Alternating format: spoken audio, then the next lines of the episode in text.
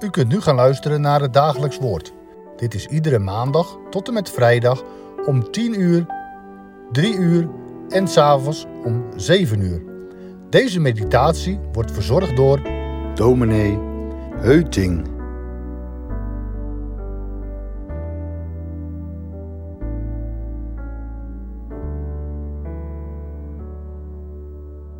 Vroeger was alles beter.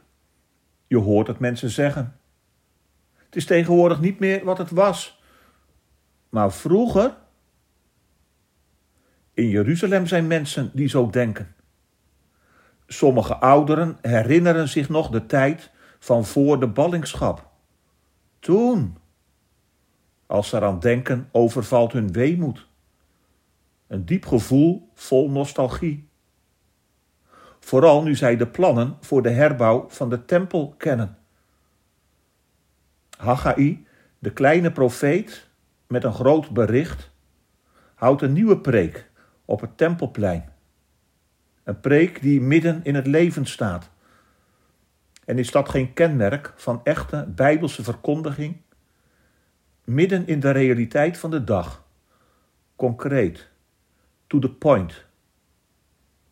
Gerepatrieerde Judeërs nemen onder leiding van Zerubabel en jo de herbouw van de tempel en de stad Jeruzalem ter hand.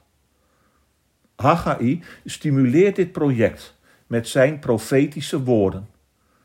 En vandaag lezen we hoofdstuk 2, vers 1 tot en met 10. Haggai 2. Op de 24ste dag van de zesde maand in het tweede jaar van koning Darius. In de zevende maand, op de 21ste van de maand, kwam het woord van de Heere door de dienst van de profeet Haggai. Zeg tegen Zerubabel, de zoon van Sealtiel en landvoogd van Juda, en tegen Jozua, de zoon van Joodsadak, de hoge priester, en tegen de rest van het volk. Wie is er onder u overgebleven die dit huis in zijn eerste heerlijkheid gezien heeft? En hoe ziet u het nu? Is het niet als niets in uw ogen? Nu dan, wees sterk, Serubabel, spreekt de Heere. Wees sterk, Jozua, zoon van Joodsadak, hoge priester. En wees sterk, heel de bevolking van het land, spreekt de Heere. Werk door, want ik ben met u, spreekt de Heere van de legermachten. Volgens het woord van het verbond dat ik met u sloot, toen u uit Egypte vertrok. En mijn geest, die in uw midden stond, wees niet bevreesd. Want zo zegt de Heere van de legermachten, nog één ogenblik, en dat is een korte tijd, dan zal ik de hemel, de aarde, de zee en het droge doen beven. Ik zal alle heidenvolken doen beven. Zij zullen komen naar het verlangen van alle heidenvolken, en ik zal dit huis vullen met heerlijkheid, zegt de Heere van de legermachten. Van mij is het zilver en van mij is het goud, spreekt de Heere van de legermachten. De heerlijkheid van dit toekomstige huis zal groter zijn dan van het eerste, zegt de Heere van de legermachten. In deze plaats zal ik vrede geven, spreekt de Heere van de legermachten. Haggai sluit aan bij het begin van de herbouw van de tempel. Hij vraagt wie de eerste tempel nog heeft gezien. Wie herinnert zich nog dat machtige heiligdom van Salomo? En zie je nu wat er uit de puinhopen herrijst? Denk je bij jezelf, het wordt niets, het lijkt nergens op? En dan die vernieuwing? Nee, neem dan vroeger. Toen was alles beter. Toen was alles mooier, grandioos en glorieus. Je hoort het mensen ook tegenwoordig zeggen en denken. Haggai verwoordt zulke sombere gedachten in zijn preek. Levensecht. Wij proberen zulke vragen te voorkomen of een beetje weg te wuiven. Mensen reageren in de trant van: kom, kom, het valt toch wel mee. Niet zo pessimistisch. Zeur niet. Wees eens dankbaar voor alles wat er nog wel is. Haggai doet dit niet. Hij schiet in de roos. Onthutsend eerlijk stelt hij als dienaar van God deze vraag, alsof de Heere God zelf deze kwestie aan de orde stelt. Als geen ander kan hij dit doen, omdat verleden, heden en toekomst in zijn handen liggen. Hij is groter dan alles wat een hart en een volk aan verdriet en aanvechting heeft te verwerken, vooral ook qua geloof. En gaat het tenslotte niet over zijn huis? Dat klinkt op de achtergrond in de preek van Haggai allemaal mee. Bij alle weemoed en nostalgie staat echter duidelijk de overtuiging die we uitdrukken in twee woorden. En toch. Alles anders? En toch. Het is niet meer wat het was, maar toch die nieuwe tempel. Of om lijnen door te trekken, de puinhopen van de kerk, de deplorabele toestand van de gemeente.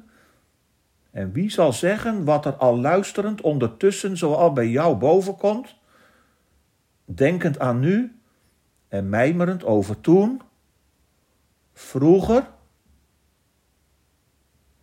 Misschien denken we wel al te gemakkelijk het is niet meer wat het was. En het zal nooit meer wat worden. In Katwijk, of persoonlijk, in mijn leven. Is allemaal zo anders geworden. En voor je gevoel gaat veel snel achteruit. Haggai moet namens de Heere God iets anders zeggen. En over de hoofden van die Judeërs nu via deze podcast even tegen u en jou en ook mij. Immers, zijn toekomst gaat open. De herbouw van zijn huis getuigt ervan. Voor de hoorders van Haggai zal de glans van dit nieuwe heiligdom groter zijn dan voorheen. Ondanks alle verandering en vernieuwing.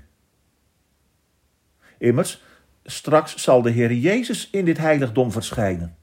En in hem schittert de heerlijkheid van God, om het evangelie volgens Johannes even vrij te citeren. Haggai werpt er al profetisch licht op vooruit, als hij zegt dat de heerlijkheid van dit toekomstige huis groter zal zijn dan die van het eerste. En wel, je hebt gelijk als je zegt die tempel is inmiddels ook alweer verwoest.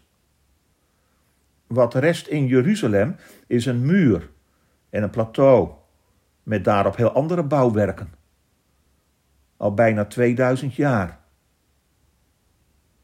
Vandaag echter horen we de woorden van Haggai met de boodschap van de apostel Paulus in de oren. Gods tempel in de geest, dat is de gemeente van Christus. Zie je haar heerlijkheid?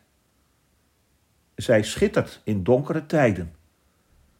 Bij alles wat verandert en volgens sommigen vernieuwd. Niets kan haar glans doven. En het mooiste moet nog komen. Laten wij bidden. Heere God, laat uw glorie zien glorie die schittert in Jezus, de Zoon van uw liefde. Een heerlijkheid die glanst in zijn gemeente, de tempel van de geest. Voeg ons als levende stenen in dit bouwwerk. Schitterende stenen. En die glansen en schitteren ter ere van u. Die Christus reflecteren in de samenleving van Katwijk. Die worden verlicht door uw geest zo bidden wij in Jezus' naam. Amen.